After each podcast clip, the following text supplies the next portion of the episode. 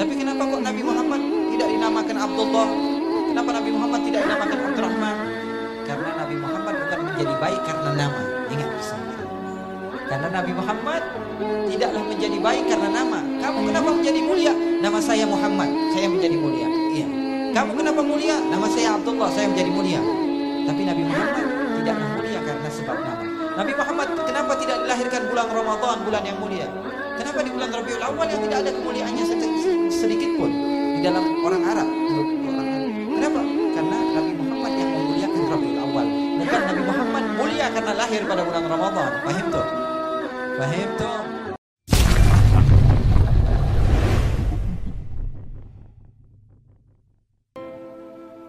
Bersyukur kepada Allah pada malam hari ini Allah subhanahu wa ta'ala memuliakan telinga kita untuk mendengar nama kekasihnya Muhammad ibn Abdullah. Di saat beberapa telinga Allah haramkan untuk mendengar nama indah beliau Allah pilih kalian, Allah khususkan kalian untuk menjadi insan yang mulia. Allah gerakkan hati kalian, Allah langkahkan kaki kalian Datang menuju ke suatu tempat di mana di tempat tersebut kalian mendengar nama indah Muhammad ibn Abdullah nikmat yang Allah Subhanahu wa taala khususkan kepada kalian dari banyaknya makhluk Allah Subhanahu wa taala. Lisan kalian Allah mampukan untuk memanggil namanya ya Allah. Di saat beberapa makhluk Allah Allah lupakan untuk mereka menyebut namanya. Allah pilih kalian. Dari banyaknya makhluk Allah di Bogor dari banyaknya makhluk Allah Subhanahu wa taala di Indonesia dari banyaknya makhluk Allah Subhanahu wa taala di Asia, dari banyaknya makhluk Allah di dunia, Allah pilih kalian dan kalian termasuk orang yang mampu untuk mengucap namanya kullun muyassarun lima khuliqa lahu kata Rasul sallallahu alaihi wasallam. Segala seseorang itu Allah permudah dia untuk apa dia diciptakan. Orang yang Allah subhanahu wa ta'ala akan ciptakan dia untuk menempati syurga Allah Maka Allah permudah langkah baik kepada dia. Dan orang yang Allah sudah inginkan kepada dia untuk menjadi ahli neraka Dipaksa bagaimanapun untuk hadir ke majlis-majlis ilmu Ada saja sesuatu yang dia tidak diberikan oleh Allah taufik sehingga dia tidak hadir. Bukan karena dia tidak mau untuk menghadiri majlis ilmu Akan tapi Allah sudah tempatkan dia di neraka Allah subhanahu wa ta'ala. Wal'iyadu billah min da' Allah jauhkan antara hubungan dia dengan Nabi Muhammad sallallahu alaihi wasallam. Bahkan ketika kita berkumpul seperti perkumpulan ini ada saja dia katakan hukumnya bid'ah. Hukumnya bid'ah. Kami enggak bodoh-bodoh amat. Dari kecil kami juga belajar. Bahkan di madrasah-madrasah kami belajar. Guru-guru kami mengajarkan hukum. Ada namanya hukum ha haram. Ada lagi hukum ha halal. Ada lagi hukum haram, wajib, mubah, sunnah, satu lagi apa? Ada enggak dulu belajar nama hukum namanya bid'ah? Ada atau tidak? Berarti bid'ah itu. Kalau ada sahabat kalian yang mengatakan bahwa sesungguhnya perkumpulan ini hukumnya bid'ah, Katakan di dalam agama Islam tidak ada yang namanya hukum bid'ah. Hukum kalau enggak haram, halal, wajib, sunnah sama makruh. Kalau di dalam muamalah ada namanya fasid sama sahih. Selain itu tidak ada hukum. Kalau mengada-ngada sesuatu yang baru itu namanya bid'ah. Menambahi hukum Allah Subhanahu wa taala. Faham tuan? Bukan karena mereka tidak mau, akan tapi Allah tidak inginkan mereka kebaikan sehingga Allah jauhkan mereka daripada jalan Allah Subhanahu wa taala. Wal iyad billah min min sementara para sahabat Nabi Muhammad sallallahu alaihi wasallam mencari segala cara untuk bisa mendekatkan diri kepada Allah dengan cara apapun. Selagi Rasul sallallahu alaihi wasallam iqrar dan selagi Rasul sallallahu alaihi wasallam tidak menentang maka sesuatu hal yang dilakukan para sahabat adalah sesuatu yang boleh bisa menjadikan mereka dekat kepada Allah. Subhanahu faham atau tidak? Bahasa abdi ayat nama babalatak nyawa tak apa latak nyawa? Jadi dia Sunda atau tidak? Sundanya. Iya, makanya Habib minggu ini ada di Malaysia, minggu ini ada di Thailand, minggu ini ada di Indonesia, minggu ini daerah Sunda, minggu depannya daerah Jawa. Jadi kalau ceramah berantakan, maafin aja, ya. Makanya ada lughah sendiri, ada bahasa sendiri namanya lughah babalatakiyah. Jadi terkadang bahasa kadang-kadang pakai bahasa upin ipin nggak apa-apa ya. Begitulah para sahabat Rasul sallallahu alaihi wasallam. Kita boleh jadikan mereka sebagai contoh. Sahabat Rasul sallallahu alaihi wasallam ada satu cerita. Suatu saat baginda Rasul sallallahu alaihi wasallam keluar rumahnya ingin membeli sesuatu karena Nabi Muhammad sallallahu alaihi wasallam adalah insan yang paling mulia. Kalau kita bayangkan Nabi besar Muhammad sallallahu alaihi wasallam tidak akan pernah ada habisnya. Bahkan saya berani bersumpah, siapapun di antara kalian yang pandai di dalam sejarah Rasulullah, yang senantiasa membaca sirah baginda Rasul sallallahu alaihi wasallam, pasti saja di dalam satu hari kalian akan mendengar sesuatu yang baru tentang Rasulullah sallallahu alaihi wasallam. Karena Nabi Muhammad sallallahu alaihi wasallam adalah insan yang terbaik. Bahkan Allah puji di dalam Al-Qur'an, sesungguhnya Allah katakan dalam Al-Qur'an, "Wa innaka la ala khuluqin azim. Dimulai dengan harful waw yang berartikan yufidut taukid. Kemudian inna harfu taukid. Kaf harful khitab yufidut taukid. Lam lamut taukid. Ala khuluqin azim Na'at man'ud juga yufidut taukid di dalam bahasa Allah kepada Nabi besar Muhammad sallallahu alaihi wasallam wahai Muhammad engkau adalah insan yang paling terbaik Allah yang menciptakan Nabi Muhammad memuji Nabi Muhammad.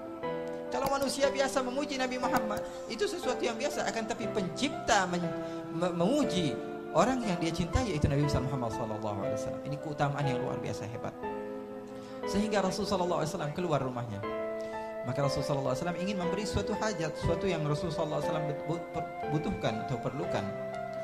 Di pertengahan jalan Nabi Muhammad sallallahu alaihi wasallam melihat ada anak kecil yang menangis anak kecil menangis.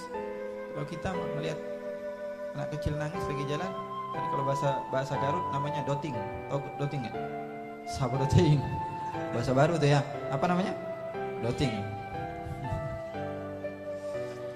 Bikin hashtag ya. Habib Ali ceramah doting. kalau kita mungkin kalau ada orang yang menangis, jangankan anak kecil, orang tua menangis kita diamkan. Orang sedang terluka kita diamkan. Apalagi anak kecil. Anak kecil sudah biasa menangis, dia bermain menangis. Tapi Rasulullah tidak. Rasulullah datang kepada orang tersebut. Akhlak Nabi besar Muhammad sallallahu alaihi wasallam. Ma yufarriq baina as-saghir wal kabir. Tidak pernah membedakan antara anak kecil dan anak besar. Ma yufarriq bainal qawi wad dha'if. Tidak pernah membedakan yang mana yang kuat, yang mana yang lemah. Itulah Habibak Muhammad sallallahu alaihi wa ala alihi wasallam. Dicontoh para sahabat, para tabi'in, tabi'in, tabi'in. Di antara mereka ada seorang imam namanya Al-Imam Ahmad Ar-Rifai. Siapa namanya? Al-Imam Ahmad Ar-Rifai juga pernah suatu saat Imam Rifai lagi berjalan, tiba-tiba ada anak kecil menangis, menangis, menangis, menangis. Maka Imam Rifai kasihan melihatnya. Didekati oleh Imam Rifai. Kemudian Al-Imam Rifai mengatakan kepada anak tersebut, "Ma baluka ya waladi? Ma yubkik?" Kenapa engkau menangis wahai anakku? Apa yang membuat engkau menangis? Anak kecil tersebut melihat Imam Rifai datang kepada dia dan dia tidak mengenal siapa Imam Rifai. Anak kecil tersebut mengatakan, "Khalli anni ayyuhal fuduli." Kalau bahasa kitanya enggak beda jauh. Eh, kepok lu, pergi sono. Anak kecil. Al-Imam Rifai datang kepada dia ingin membantu dia. Kata anak kecil, "Eh, kepok ini sama anak. Pergi ente dari anak." Jangan ikutin urusan anak. Anak punya urusan, ente punya urusan. Urusan ente lebih banyak. Sana pergi. Dan Imam Rifai mengatakan, Adabtani ya waladi. Kau telah membuat aku berakhlak, wahai anakku. Aku tidak akan pernah bertanya sesuatu yang tidak pantas untuk aku tanyakan. Begitulah akhlak mereka yang mencontoh Habibah Muhammad bin Abdullah sallallahu alaihi wa ala alihi wa sahbihi wasallam. Ikhwani wa akhwati yang dimuliakan oleh Allah Subhanahu wa taala, maka Nabi Muhammad melihat anak kecil perempuan Habasyiyah daripada Ethiopia, daripada Afrika, orang yang pada saat itu dihinakan. Maka Nabi Muhammad datang kepada dia, kemudian mengatakan, "Wahai anakku, apa yang telah berlaku? Apa yang terjadi? Apa yang telah engkau perbuat?" Maka dia katakan, "Ya Rasulullah, sesungguhnya aku diperintahkan oleh majikanku dan aku adalah seorang hamba sahaya." Indah sekali kisah Rasulullah.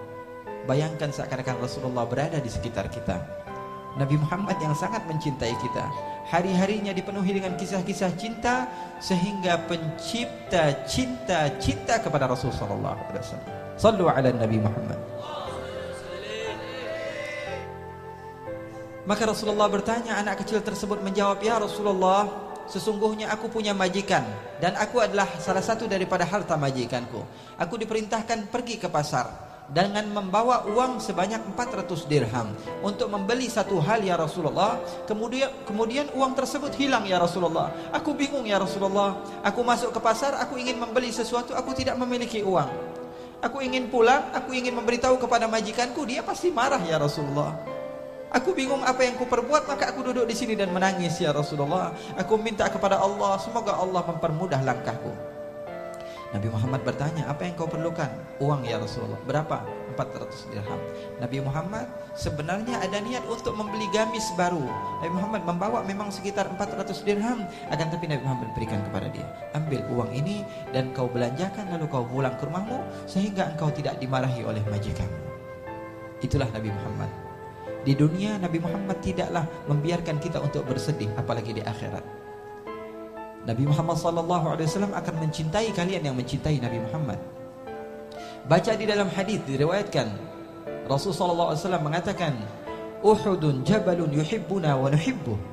Gunung Uhud adalah gunung yang aku yang cinta kepada kami dan kami pun cinta kepadanya. Gunung Uhud adalah gunung yang sangat mencintai kami dan kami pun mencintainya. Nabi Muhammad SAW akan mencintai siapapun yang mencintainya, walaupun yang mencintainya tersebut adalah sesuatu benda mati. Gunung. Bahkan Rasulullah SAW yatamatta merasakan bahagia dan nikmat ketika memandang Uhud. Kurang lebih dua minggu yang lalu saya pun baru pulang dari sana dan Masya Allah nikmat sekali ketika kita membaca sejarah Rasulullah dan Rasulullah SAW seakan-akan berada di hadapan kita. Sallu ala Nabi Muhammad. Rasulullah SAW mengatakan Gunung Uhud mencintai kami maka kami pun mencintai kepadanya. Banyak sekali cerita-cerita sesuatu yang mencintai Rasul maka Rasul pun akan mencintainya. Seperti Rasulullah SAW memiliki pohon yang Rasulullah senantiasa menyandar kepada pohon tersebut ketika berkhutbah. Maka Sayyidina Uthman atau salah seorang membuatkan kepada Rasulullah SAW mimbar Maka apa yang terjadi Rasulullah pindah ke mimbar. Ketika Rasulullah ceramah terdengar suara menangis. Sesuatu seperti menangis, seperti anak kecil yang merintih menangis. Maka Rasulullah SAW diam, kemudian sahabat pun diam. Maka Rasulullah SAW turun ke bawah mimbar dan Rasulullah pegang pohon tersebut. Lalu pohon tersebut diam. Rasulullah mengatakan kepada para sahabatnya, wahai sahabatku, apakah kalian tahu apa yang aku katakan kepada pohon tadi? Tidak ya Rasulullah Sesungguhnya pohon tersebut merintih dan menangis Dan dia ingin selalu aku pegang Maka aku katakan kepada dia Kalau engkau mau untuk bersabar Maka engkau akan bersamaku di surga Maka dia berhenti untuk menangis. Dan demi Allah kata Nabi Muhammad Kalau aku di, tidak diamkan Maka semua orang akan mendengar dia sampai hari kiamat. Pohon mencintai Rasulullah Maka bersama Rasulullah. Bahkan gunung Uhud di dalam asar dikatakan bahawa gunung tersebut akan pergi ke syurga bersama Rasulullah sallallahu alaihi wasallam. Bagaimana hati kalian yang mencintai Rasulullah? Bagaimana jiwa kalian yang senantiasa mencintai Rasulullah? Bagaimana ketika hari-hari kalian dipenuhi dengan kecintaan kepada Rasul sallallahu alaihi wasallam? Maka di dalam hadis juga ketika Rasul sallallahu alaihi wasallam hijrah dari kota Makkah menuju kota Madinah Rasulullah SAW datang ke satu tempat Maka perempuan-perempuan datang kepada Rasulullah Anak-anak kecil Mereka katakan Nahnu jawari Min banin najari Ya habbada Muhammadin min jari. Kami adalah anak-anak kecil perempuan Daripada keturunan banin najar Sekarang kami merasa bangga Karena Nabi Muhammad menjadi tetangga kami. Maka Rasulullah SAW bertanya Atuhbibnani Apakah kalian cinta kepadaku Wahai anak-anakku? Mereka katakan Bala ya Rasulullah. Iya ya Rasulullah, kami sangat mencintaimu. Kata Rasulullah, Wallah, inna qalbi yuhibbukun. Ketahuilah demi Allah, kata Rasulullah, sesungguhnya hatiku pun mencintai kalian. Cinta dibalas cinta oleh Rasul sallallahu alaihi wasallam. Nabi Muhammad sallallahu alaihi wasallam memberikan harta yang dimiliki oleh Nabi Muhammad kepada anak kecil tersebut. Lalu Nabi Muhammad sallallahu alaihi wasallam pergi ke pasar, lalu Rasul sallallahu alaihi wasallam pulang ke rumahnya. Nabi Muhammad SAW terkadang ke pasar, Nabi Muhammad terkadang makan, Nabi Muhammad terkadang minum. Oleh karena itu sebagian orang yang memandang kepada basyariah Rasulullah dikatakan sebagaimana dalam Al-Quran, "Ma balu hadzal rajul ya'kulu ta'am wa yamshi fil aswaq. Nabi seperti apa ini? Kok makan seperti makanan kami? Kok jalan-jalan seperti jalannya kami? Kenapa? Karena mereka memandang kepada basyariahnya Rasulullah. Mereka jauh daripada Allah. Kenapa? Karena yang mereka pentingkan adalah sesuatu yang berhubungan dengan basyariah. Begitu juga seorang murid kepada gurunya yang dia tengok, yang dia lihat hanyalah sesuatu yang berurusan dengan hal duniawi saja. Ini guru saya sama saja seperti saya. Jalan-jalan, saya juga jalan-jalan makan-makan saya juga makan-makan, nongkrong-nongkrong saya juga nongkrong-nongkrong. Tidak akan pernah mendapatkan faedah daripada ilmunya sama sekali. Oleh karena itu, para sahabat tidaklah melihat kepada basyariahnya Rasulullah. Bahkan sesuatu yang berhubungan dengan Rasulullah SAW. Siapapun kalau melihat baginda Rasulullah SAW akan mencintainya. Kalian tahu ma'asyiral ikhwan, saya akan ceritakan satu cerita bahawa sesungguhnya Abu Jahal, tahu Abu Jahal? Nyawa tu? Nyawa tu? Enggak mau, enggak mau terang, terang terlalu halus eh. Kita orang Banten. Nyawa tu? Siap. terang Abu Jahal. Kapan kenalannya? Hah? Kenalan di neraka. Abu Jahal. Artinya apa Abu Jahal? Bodoh. Abu Jahal artinya bo bodoh. Padahal nama aslinya bukan Abu Jahal. Nama aslinya adalah Amr bin Hisham. Siapa namanya? Amr bin Hisham. Dia dipanggil dengan Abul Hakam. Abul Hakam itu apa? Orang yang bijaksana. Maka ketika dia dipanggil Abul Hakam oleh Quraisy, maka dia dijadikan pemimpin. Kenapa? Karena dipanggil Abul Hakam, orang yang bijaksana. Tapi dirubah oleh Rasulullah SAW namanya menjadi Abu Jahal, orang yang boh. Maka seketika itu dia menjadi orang yang paling bodoh. Karena panggilan itu penting. Coba kalau kami kalian punya teman panggil domba setiap hari, pasti bau tuh lama-lama. Ya, lama kelamaan dia bakalan bah, bau domba. Apa pun itu, kalau kalian panggil kepada teman kalian, itu akan ada azar, akan ada bekas kepada panggilan namanya tersebut. Maka jangan sembarangan manggil orang, ya, manggil nama anak dengan nama-nama yang baik, manggil nama teman dengan nama-nama yang baik, karena ini adalah sesuatu yang diajarkan di dalam Islam. Rasulullah sallallahu alaihi wasallam Pernah suatu saat datang seseorang kepada Rasulullah SAW kemudian mengatakan ya Rasulullah apakah engkau ingin daripada susu kambing? Maka Rasulullah SAW mengatakan iya berikan aku susu kambing aku ingin meminum susu kambing maka salah seorang di antara mereka mengatakan ya Rasulullah biarkan aku yang mengambil susunya tersebut maka Rasulullah bertanya masmuk siapa namamu dia katakan ismi murrah ya Rasulullah nama saya pahit ya Rasulullah namanya pahit Kata Rasulullah, jangan, jangan kamu, nanti susunya pahit. Jangan kamu, ini benar datang dari Rasulullah SAW. Rasulullah mengatakan, jangan, jangan kamu. Maka datang satu orang lagi, ya Rasulullah, biarkan aku yang memerahkan susunya, ya Rasulullah. Rasulullah tanya, siapa nama kamu? Ismi Harb, ya Rasulullah. Nama saya peperangan, ya Rasulullah. Ha, jangan kamu juga. Orang lain, kata Rasulullah. Maka datang lagi, siapa nama kamu kata Rasulullah? Ismi Ya'ish ya Rasulullah, namaku kehidupan ya Rasulullah. Maka Rasulullah SAW mengatakan, ihlibhu anta, kamu saja yang memerah susunya. Fahim tong? Nama kira-kira penting atau tidak? Nama penting atau tidak? Penting sekali. Maka Abu Hakam yang tadinya bijaksana dipanggil oleh Rasulullah SAW dengan Abu Jahal orang yang bodoh, maka seketika dia menjadi orang yang paling bodoh. Dia Setiap melihat Rasulullah SAW lewat di perkampungan kota Makkah, apa yang dia lakukan? Dia ambil sorban dia, dia tutup mukanya. Dia ambil sorban dia, dia tutup mukanya. Setiap Rasulullah lewat, dia ambil sorban dia tutup mukanya. Orang kafir tapi pakai sorban. Orang kafir pakai sorban. Siapapun bisa pakai sorban. Gampang. Siapa pun bisa bangun masjid. Gampang. Betul atau tidak? Betul atau tidak? Siapa pun bisa mengeluarkan hartanya. Siapa pun bisa melakukan ini dan itu daripada kebaikan. Akan tapi iman beradanya di dalam ha? hati. Abu Jahal apa yang dia lakukan? Setiap Rasulullah SAW lewat di satu tempat, maka dia mengambil sorbannya lalu ditutup, ditutup mukanya, ditutup, ditutup, ditutup.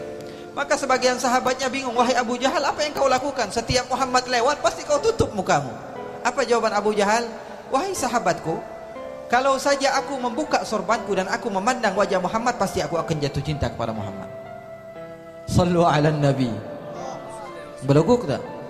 Beleguk enggak? Beleguk atau tidak? Padahal mau dikasih cahaya iman kepada dia Tapi dianya yang tidak mau Karena Allah tidak inginkan kebaikan kepada dia Setiap Nabi Muhammad lewat Maka dia tutup muka Bahkan di dalam sejarah juga dikatakan Ketika Rasulullah hijrah masuk ke dalam goa Thawr Goa apa?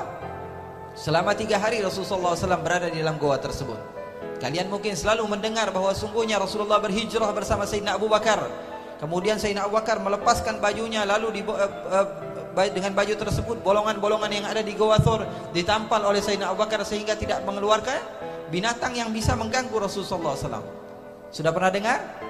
Sudah pernah dengar. Banyak yang sudah mendengar tentang hijrahnya Rasulullah SAW. Akan tapi ulama sejarah sebagian menceritakan bahawa Sayyidina Abu Bakar digigit oleh ular atau kala jengking pada saat itu. Sehingga wajahnya berubah menjadi biru lalu mengeluarkan keringat atau tangisan sehingga mengenai Rasulullah SAW lalu Rasulullah SAW terbangun dan didoakan oleh Rasulullah SAW itu yang selalu kita dengar ulama sejarah mengatakan ada tambahan bahawa sungguhnya ular tersebut marah kepada Sayyidina Abu Bakar. Maka ular tersebut menggigit Sayyidina Abu Bakar. Ular pun ingin menikmati untuk memandang wajah indah baginda Rasulullah. Tapi Sayyidina Abu Bakar menutup-nutupinya faham tak? Kala jengking yang pada saat itu ada Kemudian mereka berbahagia dengan bolongan-bolongan yang ada di Goa Thor. Akan tapi ditutupi oleh Sayyidina Abu Bakar. Itu yang membuat binatang tersebut menggigit kepada Sayyidina Abu Bakar Karena menghalangi mereka untuk memandang wajah indah baginda Rasulullah Sallallahu alaihi wa ala wasallam. Maka Rasulullah SAW memberikan uangnya 400 dirham. Dan anak kecil tersebut ditinggal oleh Rasulullah ke pasar Rasulullah SAW kembali lagi mau pulang ke rumahnya tiba-tiba melihat anak kecil tersebut masih ada duduk. Rasulullah SAW bingung. Rasulullah tanya, wahai anakku, apa yang kau perlukan? Uang ya Rasulullah. Bukankah aku sudah berikan kepada engkau uang? Iya ya Rasulullah. Bukankah engkau sudah belanjakan uang tersebut memenuhi kebutuhan daripada majikanmu? Dia katakan, sudah ya Rasulullah. Lalu kenapa engkau masih di sini? Saya malu ya Rasulullah. Malu kenapa? Kalau saya pulang ke rumah majikan saya pasti saya dimarahi. Saya disuruhnya pagi masa sore baru pulang ya Rasulullah. Saya takut. Terus maunya apa? Anterin dong ya Rasulullah. Enak banget. Udah minta duit, minta diantar. Di mana rumahnya katanya Rasulullah? Di ujung kota Madinah ya Rasulullah. Marhaba Rasulullah SAW selalu menerima. Maka Rasulullah SAW mengantarnya ke tempat yang diinginkan oleh anak kecil tersebut. Hamba sahaya, masih kecil, orang Habasyiyah, Minta antar kepada Rasulullah SAW untuk ditemani datang ke kampungnya. Maka datanglah Rasulullah SAW. Ketika Rasulullah SAW datang ke salah satu kampung tersebut, didapati tiga orang perempuan duduk di depan rumah. Maka Rasulullah SAW bertanya, wahai anakku, di mana rumah majikanmu? Itu ya Rasulullah yang ada tiga orang duduk. Maka ketika Rasulullah SAW semakin mendekat, orang tersebut masuk ke dalam rumah dengan cepat-cepat. Masuk dia masuk ke dalam rumah tersebut. Lalu Rasulullah SAW kebingungan saya datang kenapa malah menjauh? Maka mereka menangis sejadi-jadinya karena bahagia bahawa Rasulullah SAW datang ke kampung mereka karena sebab anak kecil ini. Maka Rasulullah SAW mengetuk pintu rumah tersebut. Assalamualaikum warahmatullahi wabarakatuh. Gak ada yang jawab salam sama sekali. Rasulullah bingung Bukankah tadi barusan sebentar tadi ada perempuan-perempuan yang berada di rumah ini? Kenapa sekarang ketika aku ketuk pintunya tersebut tidak ada yang menjawab salamku? Kemudian Rasulullah ketuk pintu lagi untuk kedua kalinya. Rasulullah SAW mengatakan Assalamualaikum warahmatullahi wabarakatuh. Karena disunahkan. Mengucap salam sun Jawab salam wa Kecuali kepada tiga orang. Eh Jawab salam wajib kecuali kepada tiga orang Yang pertama orang kafir Orang kafir wajib nggak jawab salam? Yang kedua orang tuli. yang ketiga orang bisu. Gimana mau jawab salamnya itu? Mikir. Eh, jawab salam wajib kecuali bagi tiga orang. Yang pertama orang kah? Yang kedua orang orang tuli kira-kira bisa nggak jawab salam? Dengar juga enggak dia salam. Yang ketiga orang bisu. Bisa nggak jawab salam? Enggak bisa jawab salam. Ala kulli hal. Maka Rasulullah SAW mengetuk pintu tersebut. Tidak ada yang jawab-jawab sama sekali. Maka Rasulullah SAW untuk ketiga kalinya mengucapkan salam. Sebagaimana ada Rasulullah SAW, Rasulullah tidak akan pernah mengetuk pintu lebih dari tiga kali. Kalau sudah tiga kali, enggak dijawab juga dan kita yakin bahwa ada orang di dalam, maka ketahuilah bahwa orang dalam tidak mau berjumpa dengan kita. Sudah pasti. Maka Rasulullah akan pergi. Rasulullah enggak melihat kepada jendelanya. Oh ada orang apa enggak? Atau masuk ke dalam rumahnya? Tidak itu bukan akhlak baginda Rasul. Bahkan di dalam hadis dikatakan barang siapa yang menoleh kepada jendela rumahmu maka boleh saja kau colok kedua matanya. Karena bukan akhlak. Tapi akhlak Rasulullah setelah tiga kali maka Rasulullah maka Rasulullah mengucapkan salam untuk yang ketiga kalinya. Rasulullah katakan assalamualaikum warahmatullahi wabarakatuh. Maka mereka menjawab waalaikumsalam warahmatullahi wabarakatuh. Mereka pun membuka pintu kepada Rasulullah SAW. Maka Rasulullah SAW mengatakan, Wahai uh, perempuan-perempuan, sesungguhnya aku membawa anak kecil ini. Maka mereka mengatakan, Iya ya Rasulullah, kami tahu ya Rasulullah. Dia adalah hamba sahaya kami ya Rasulullah Kami perintahkan ini dan itu Maka Rasulullah mengatakan Saya minta maaf kepada kalian Atas nama anak kecil ini Tolong maafkan dia Maka perempuan-perempuan tersebut mengatakan Hiya hurrah liwajhillah ya Rasulullah dia sekarang bebas karena Allah ya wahai Rasulullah. Karena sebab dia engkau telah memasuki kampung-kampung kami ya Rasulullah. Maka dibebaskanlah anak kecil tersebut. Rasulullah sebelum pulang Rasulullah tanya wahai perempuan-perempuan aku ucapkan salam tiga kali. Kenapa? Yang terakhir baru kalian jawab. Maka mereka mengatakan ya Rasulullah engkau jarang-jarang main ke kampung ini ya Rasulullah kami sangat bergembira dan berbahagia ya Rasulullah. Maka kami kebingungan. Bagaimana cara kami untuk menyambut engkau ya Rasulullah. Maka engkau mengetuk pintu rumah kami dan kau katakan Assalamualaikum warahmatullahi wabarakatuh. Semoga keselamatan bagi kalian. Rahmat bagi kalian. Keberkahan bagi kalian. Siapa yang berdoa? Rasulullah. Kepada siapa? Kepada kami ya Rasulullah. Maka kami tidak katakan waalaikumsalam. Tapi kami katakan amin. Pintar atau tidak? Kalau kami jawab Waalaikumsalam kau doakannya cuma sekali ya Rasulullah. Maka ketika engkau mengatakan Assalamualaikum warahmatullahi wabarakatuh. Amin yang dalam begitu. Maka kedua kali ketika engkau mengucapkan lagi semoga keselamatan bagi kalian, semoga rahmat Allah dipenuhi untuk kalian, semoga keberkahan Allah kalian dapatkan, maka kami mengulang lagi ya Rasulullah. Amin. Setelah kami tahu bahwa sungguhnya engkau tidak akan mengucap salam lebih dari tiga, maka kami jawab salam engkau ya Rasulullah. Pintar atau tidak? Pintar atau tidak sahabat Rasulullah? Pintar sahabat Rasulullah. Karena kalian harus tahu, seseorang terkadang mendapatkan pahala yang luar biasa besar di waktu yang singkat. Atau sebaliknya, ada orang yang beribadah dengan waktu yang lama akan tapi pahalanya tidak dia dapat sama sekali. Karena pintar. Allah sifatkan bahawa sungguhnya ibadah adalah tijarah. Semakin pandai engkau beribadah kepada Allah, semakin banyak pahala. Seseorang yang datang ke majlis ilmu, hadirnya niatnya buat apa? Makan kebuli ni enak nih masaknya nih.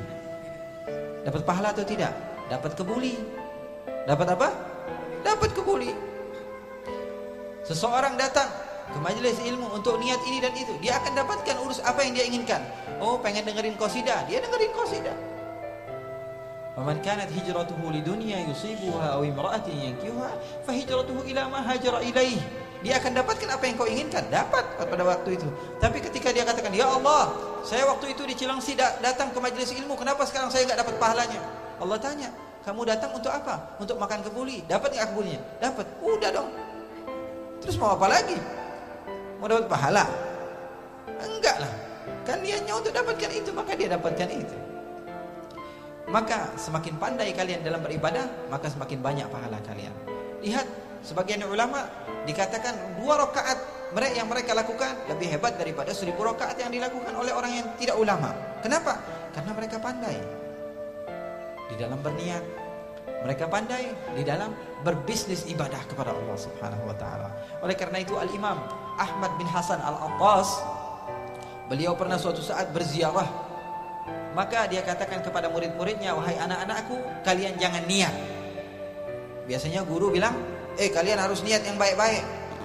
Ini gurunya katakan, kalian jangan niat. Tapi kalian katakan, nawaina kama nawa syekhuna Ahmad bin Hasan. Kami berniat sebagaimana bagaimana niat guru kami Ahmad bin Hasan. Biar pahala kalian banyak. Karena saya kata Imam Ahmad bin Hasan Atas mendapatkan taufik daripada Allah untuk berniat yang baik. Begitu.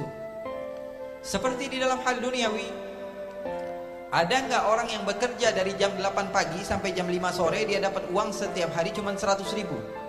Ada atau tidak? Ada. Ada orang yang keluar dari rumahnya jam 8 pagi, pulang zuhur dapat uang 300 ribu lebih besar. Ada atau tidak? Ada lagi orang yang pergi Masuk kantor jam 8, jam 10 udah balik, dapat uang 10 juta. Ada atau tidak? Ada lagi yang pergi keluar sebentar, jam 8, jam 9 sudah balik, dapat uang 100 juta. Ada atau tidak? Ada lagi yang pergi ke suatu tempat, cuma tanda tangan doang dapat 1 miliar. Ada atau tidak? Pandai otaknya. Begitupun dalam beribadah. Ada yang menghabiskan bertahun-tahun tapi pahalanya enggak ada. Ada yang sebentar saja dia melakukan ibadah tapi pahalanya luar biasa hebat. Oleh karena itu pergunakan waktu sebaik-baiknya. Amaliyah seperti salawat kepada Rasulullah SAW A'maluna bainal qabul wa raddiha illa salat ala Nabi Muhammad Seperti amaliyah kita bersalawat kepada Rasulullah Sudah pasti Allah akan terima Ya sudah kerjakan, itu yang terbaik Sahabat bertanya Ya Rasulullah Kam aj'alu laka salawati Berapa Berapa salawat yang aku harus lakukan Untukmu ya Rasulullah Kata Rasulullah SAW Kalau engkau perbanyak maka itu adalah sesuatu yang baik Maka dia katakan Ya Rasulullah Bagaimana kalau seperempat daripada hariku aku jadikan untuk bersolawat? Apa jawaban Rasulullah? Seperempat dari harinya dijadikan solawat. Apa kata Rasulullah? Fa in zitta fahuwa khair. Kalau kau tambah lagi lebih bagus lagi. Maka dia katakan ya Rasulullah kalau begitu aku jadikan sepertiga ya Rasulullah daripada usia hariku ya Rasulullah aku khususkan untuk salawat. Karena salawat sudah yakin diterima oleh Allah Subhanahu wa taala. Kalau amaliyah lain dilihat dulu ini riya atau tidak. Wujub atau tidak. Takabur atau tidak? Salatnya apa? Pengen dilihat orang. Ah, salatnya enggak diterima oleh Allah. Salawat kepada Rasulullah SAW. Mau ria, mau sombong, mau ujub, mau apa? Tetap salawatnya diterima oleh Allah Subhanahu. Rianya dapat dosa tapi jangan pernah lupa. Dia bilang, oh ria, mau salawat enggak apa-apa. Oh kata Ustaz ini, kalau salawatan walaupun ria, walaupun ujub, walaupun takabur, sombong enggak apa-apa. Iya, salawatnya diterima, tapi dosanya kena juga. Dosanya kena juga juga. Maka seseorang yang pandai adalah seorang yang pandai melihat kepada waktunya. Karena umur manusia, khususnya umat Rasulullah SAW, a'mar ummati ma baina sittin atau sab'in. Usia umatku antara 60 tahun atau 70 tahun enggak lebih. Umur umat Rasulullah SAW antara 60 tahun atau 70 tahun. Kalau lebih-lebih itu mungkin bonus daripada Allah Subhanahu wa taala. Di usia yang sedikit. Tapi kalau engkau pandai di dalam beribadah kepada Allah Subhanahu wa taala kau akan mendapatkan pahala yang besar di sisi Allah. Sahabat Nabi ada tiga orang. Yang satu namanya Abu Hurairah. Siapa namanya? Abu Hurairah. Abu Hurairah sahabat Rasulullah SAW termasuk sahabat yang paling banyak meriwayatkan hadis. Padahal dia masuk Islam pada tahun ke-6 daripada hijrahnya Rasulullah. Dan Rasulullah wafat pada tahun ke-10. Berarti tahun 6 ke tahun ke-10 cuma 4 tahun bersama Rasulullah tapi menjadi sahabat yang paling banyak meriwayatkan hadis. Kenapa? Karena dia pandai di dalam mengatur waktu dan mendapatkan doa dari Rasulullah sallallahu alaihi wasallam. Dia dari Yaman. Nama aslinya khilaf antara ulama sejarah. Ada yang mengatakan nama aslinya Abdul Ghanam. Apa namanya? Abdul Ghanam. Hambanya kambing. Nama kambing ya. Ada riwayatnya Abdul Syams. Eh, hamba sahayanya apa? Hambanya matahari tapi dirubah oleh Rasulullah SAW menjadi Abdurrah Abdurrahman menjadi Abdul Abdullah karena apa? karena nama Abdurrahman dan Abdullah termasuk nama yang paling terbaik ya jadi namanya Abdurrahman ibni Sakhr al-Yamani ad-Dawsi nama Abdurrahman nama terbaik nama terbaik nama Abdullah adalah nama terbaik nama terbaik nama Muhammad nama Muhammad ya pasti yang terbaik tapi kenapa kok Nabi Muhammad tidak dinamakan Abdullah? Kenapa Nabi Muhammad tidak dinamakan Abdurrahman? Karena Nabi Muhammad bukan menjadi baik karena nama. Ingat pesan saya. Karena Nabi Muhammad tidaklah menjadi baik karena nama. Kamu kenapa menjadi mulia? Nama saya Muhammad, saya menjadi mulia. Iya. Kamu kenapa mulia? Nama saya Abdullah, saya menjadi mulia. Tapi Nabi Muhammad tidaklah mulia karena sebab nama. Nabi Muhammad kenapa tidak dilahirkan bulan Ramadan, bulan yang mulia? Kenapa di bulan Rabiul Awal yang tidak ada kemuliaannya sedikit pun di dalam orang Arab menurut orang Arab? Kenapa? Karena Nabi Muhammad yang memuliakan Rabiul Awal. Bukan Nabi Muhammad mulia karena lahir pada bulan Ramadan. Fahim tu? Fahim tu? Kemudian Nabi Muhammad wasallam memiliki sahabat bernama Abu Hurairah dan ini insyaallah akhir daripada kisah ini. Karena saya masih mau meneruskan perjalanan ke Tangerang, doakan supaya enggak macet karena masih ada acara di sana. Doakan, doakan apa enggak? akan biar saling mendapatkan manfaat dan insya Allah Allah berikan waktu kita berjumpa lagi insya Allah amin ya rabbal atau kalau kalian lagi main ke Garut misalnya saya ada rutinan bulanan di Garut kalau kalian pas kebetulan di Garut minggu keempat eh hari minggu di alun-alun kota Garut kita punya bulanan silahkan main sana eh malamnya kita berendam air panas eh mau nggak mahal tapi ongkosnya ya Ala kulihan. Kalau emang nggak bisa ke situ, bulanan saya di Kuala Lumpur. Lebih jauh ya. Ala kulli hal, insyaallah Allah Subhanahu wa taala berikan kita kesempatan untuk berjumpa lagi insyaallah. Lianna al-arwah junudun mujannadah fama ta'arafa minha talaf wa ma tanakara minha ikhtalaf. Kata Rasulullah, ruh itu sudah pernah berjumpa di zaman azali. Kalau dia sudah bertemu satu sama lain kemudian di dunia saling cinta mencintai, berarti pada saat itu kita juga sudah kenal. Tapi kalau misalnya sekali berjumpa langsung musuhan, nggak ada cintanya sama sekali, berarti pada saat itu juga kita bertengkar. Dan insya Allah kita semua yang hadir di tempat ini, semua kita sudah berjumpa pada zaman azali dan kita saling cinta mencintai karena Allah Subhanahu.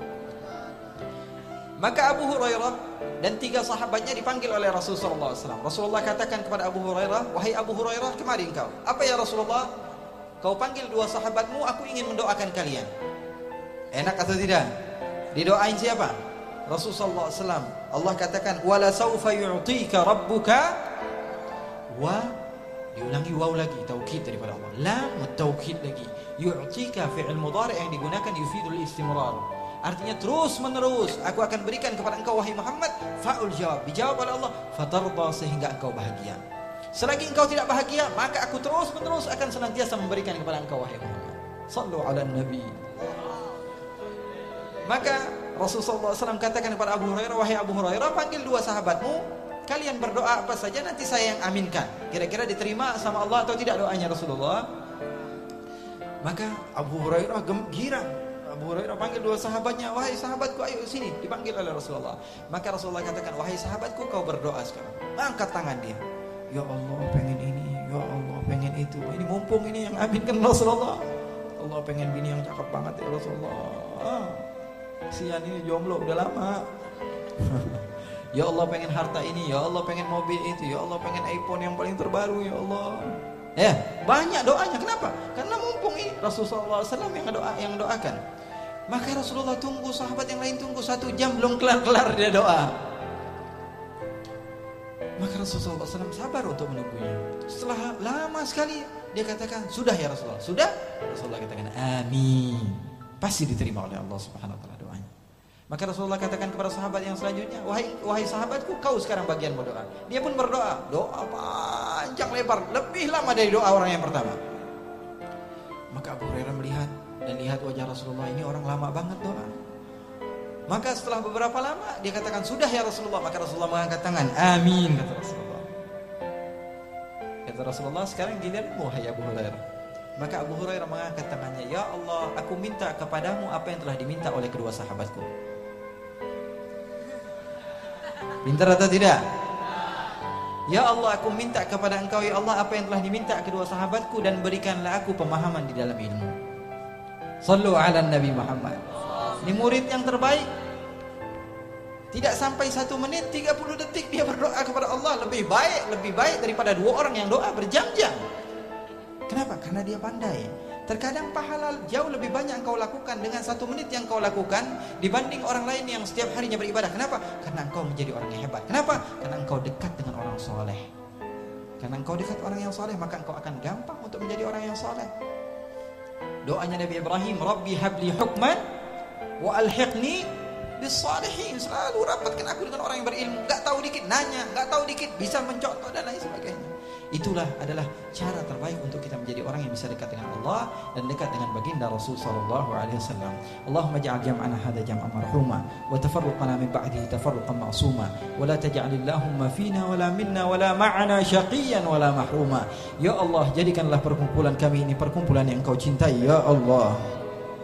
Janganlah engkau keluarkan kami dari tempat ini kecuali dosa kami telah engkau hapus ya Allah.